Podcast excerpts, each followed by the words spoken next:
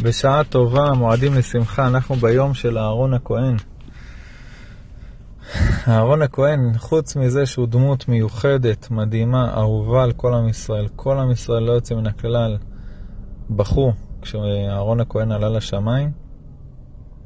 חוץ מזה, לאהרון הכהן הייתה תכונה אדירה, אדירה, אדירה. אתם מכירים את זה שאתה נמצא בשיעור תורה, אתה נמצא בהלל עם הרב שמואל אליהו וכלי נגינה למרגלות הר הבית, כשאתה נמצא במשהו קדוש, מדהים, מרומם, שאף לך אז כך, ואתה כולך באורות, ואתה חושב שאתה בגן עדן.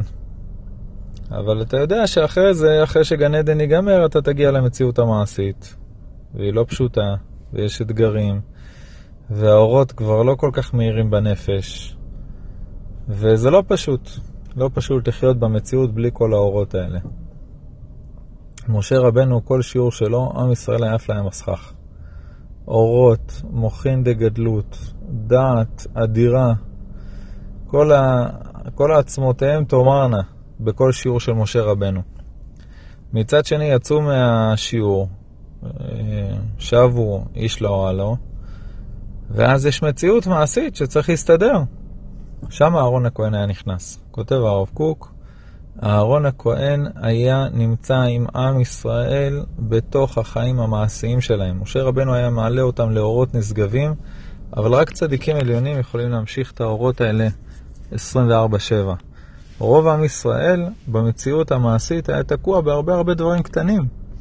שם אהרון הכהן היה יושב איתם, מעורב בתוכם, עוזר להם בכל הדברים הקטנים, נותן להם עצות מה לעשות, מגשר בין איש לאשתו, מלמד אותם חינוך ילדים, מלמד אותם איך להתמצא בתוך המרחב הציבורי, כל אחד עם השכנים שלו, עם החבורה שלו, השבטים אחד בין אחד לשני, בין שבט לשבט, הלימוד תורה המעשי של חיי היום-יום.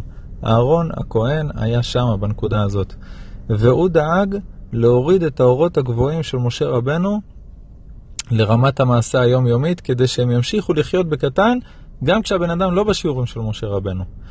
בהקבלה לספירות זה הנצח ועוד. הנצח זה ניצחתי ואנצח, זה משה רבנו.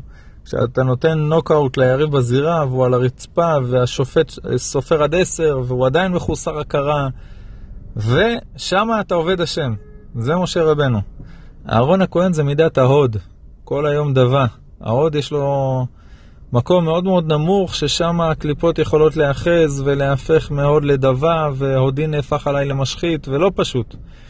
זה המקום שכשאתה בזירה אתה קיבלת את הנוקאוט, ואתה על הרצפה, ואתה מנסה לגייס כוחות, לקום לעוד סיבוב, שם אתה עובד השם. זאת ספירת ההוד, אפילו שם אני עובד השם. זה אהרון הכהן.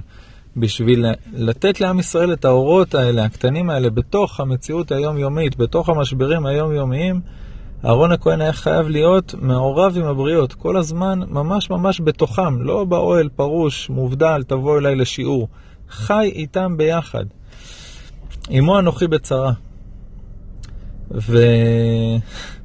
ומסופר על הרב משאש, אם אני לא טועה הרב יוסף משאש, שהגיע לקהילה, וברחוב דיבר עם איזה מישהו, עמד ברחוב, דיבר עם אחד היהודים, ובאו אליו אחרי זה ואמרו לו, הרב, היהודי הזה מחלל שבת בפרהסיה, הולך בשבת ברחוב עם סיגריה ביד.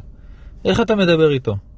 הסתכל עליהם הרב משאש ושאל אותם, וכי בשביל מי אתם חושבים שבאתי להיות רב?